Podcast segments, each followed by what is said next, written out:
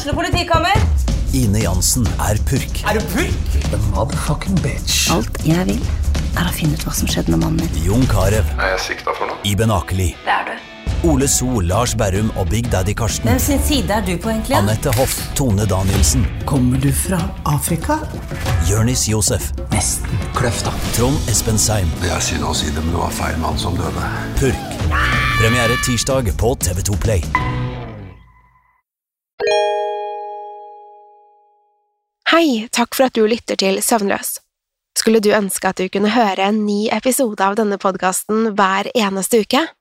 Vel, da er det bare å laste ned podkastappen Untold med en gang. I tillegg til ukentlige episoder av podkaster som Skrekkpodden, Truecrimepodden og Henrettelsespodden får du masse annet reklamefritt og eksklusivt innhold. Last ned Untold i AppStore eller Google Play, og start din 30 dagers prøveperiode i dag.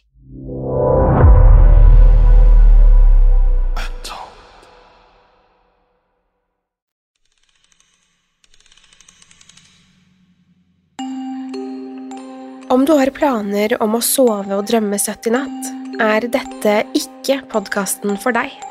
Hvis du er lettskremt, lett påvirkelig eller har søvnproblemer, bør du styre unna akkurat denne. Om du likevel vil ta sjansen, eller er på utkikk etter en unnskyldning for å ikke sove, så har du kommet til rett sted.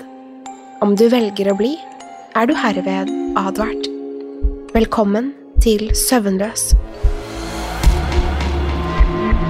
God natt.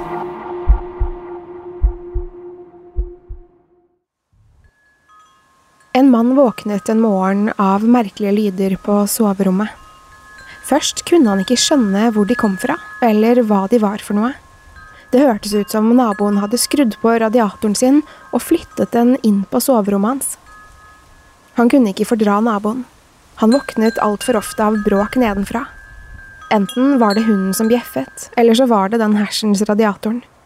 Han trodde aldri han hadde hørt en så bråkete radiator noen gang. Men hvorfor var lyden så mye høyere nå? Mannen åpnet de søvnige øynene sine og gned seg i dem. Søvnen stakk i øyekroken da han fikk åpnet øynene på gløtt. Han speidet rundt i rommet, men kunne ikke se noe. Lyden hadde stanset akkurat idet han åpnet øynene. Han kikket forvirret rundt seg, før han ristet det hele bort. Han kastet seg rundt i sengen, til en mer behagelig posisjon, og forsøkte å sovne igjen. Men som en automatikk begynte summingen igjen. Mannen sperret opp øynene igjen og satte seg opp i sengen. Igjen stantet lyden, og han kunne ikke se noe som helst i det mørke rommet. Da han la hodet på puten igjen, ventet han på at summingen skulle starte igjen, men nå var alt stille.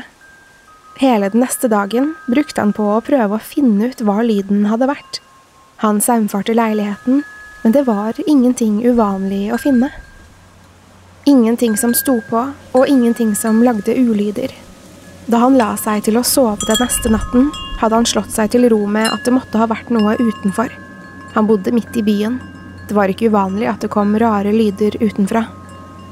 Midt på natten ble han vekket igjen av den merkelige summelyden. Denne gangen var han ikke sen.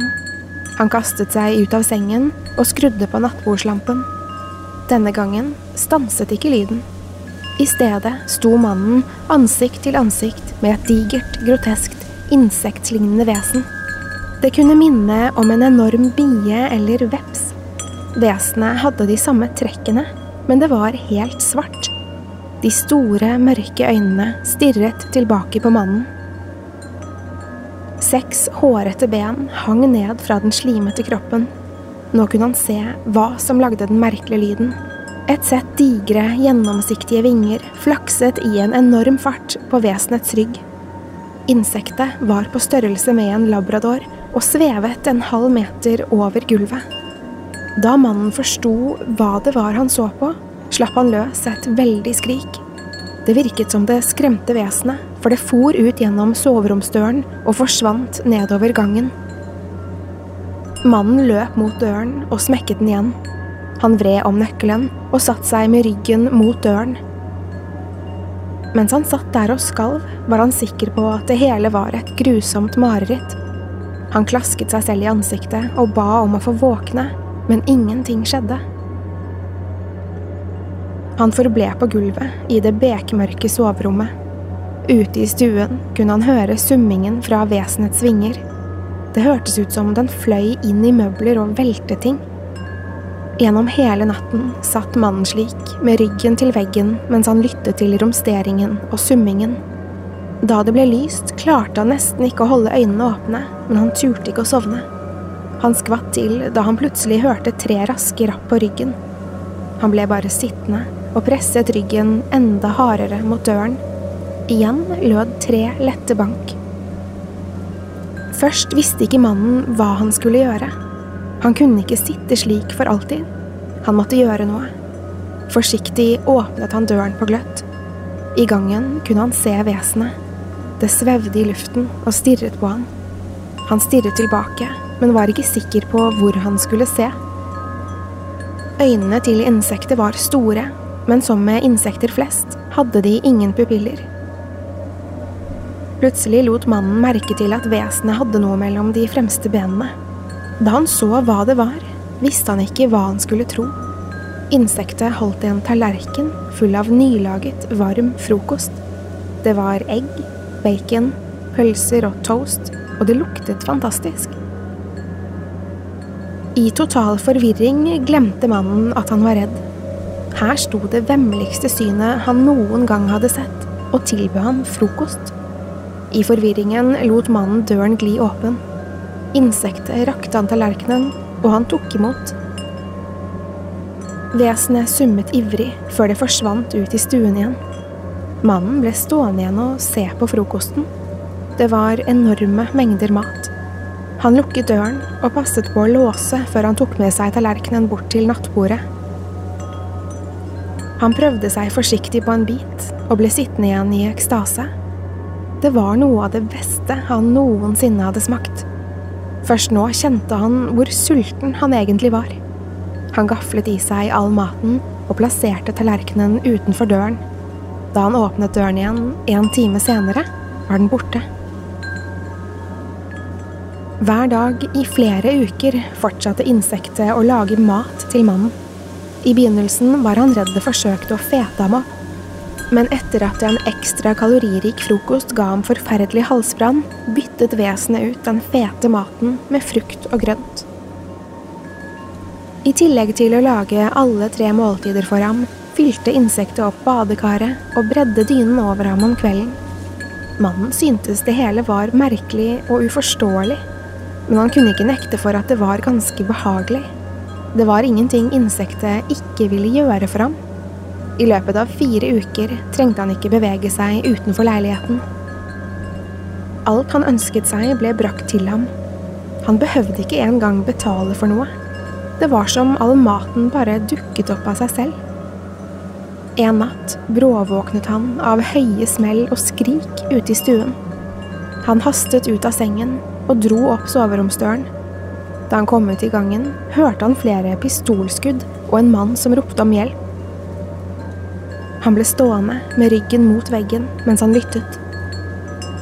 Plutselig ble alt stille, og han snek seg sakte ut i stuen. Der inne var det et eneste stort blodbad. Vesenet svevde over to hodeløse kropper på gulvet. Ved siden av kroppene lå to pistoler. Det kunne virke som de to hadde forsøkt å ta seg inn i leiligheten, men var blitt overrasket av insektet. Mannen sto i sjokk og så på, mens vesenet gjorde det det kunne for å kvitte seg med likene. Han visste at det bare hadde beskyttet han fra innbruddstyvene, men han følte seg ikke mindre kvalm av den grunn. I flere dager satt han og skalv inne på soverommet. Vesenet serverte ham mer mat og sørget for at han var så komfortabel som mulig. Likevel var det vanskelig å ikke forestille seg alt som hadde skjedd med tyvene. En morgen da mannen var i ferd med å forlate soverommet, ble han stoppet i døren av vesenet. Han forsøkte å komme seg forbi, men det lot ham ikke gå. Selv da han beordret det å slippe ham ut, lot det seg ikke rikke. Han ble skyflet tilbake i sengen hvor insektet holdt vakt, slik at han ikke skulle gå noe sted. Likevel følte ikke mannen seg truet. Vesenet hadde jo tatt så godt vare på ham de siste ukene. I et par timer lå han slik og ventet på at insektet skulle la ham gå. Det var da han begynte å kjenne det. En brennende smerte gjennom hele kroppen. Som om hundre tusen eksplosjoner gikk av på én gang. Som om magen hans var full av barberblader. Han fikk kraftige spasmer og kastet seg rundt i sengen.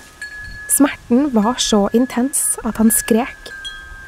Da han kjente den grusomme, kravlende følelsen under huden, forsto han at vesenet ikke hadde passet på han. Det hadde beskyttet sine uklekte egg.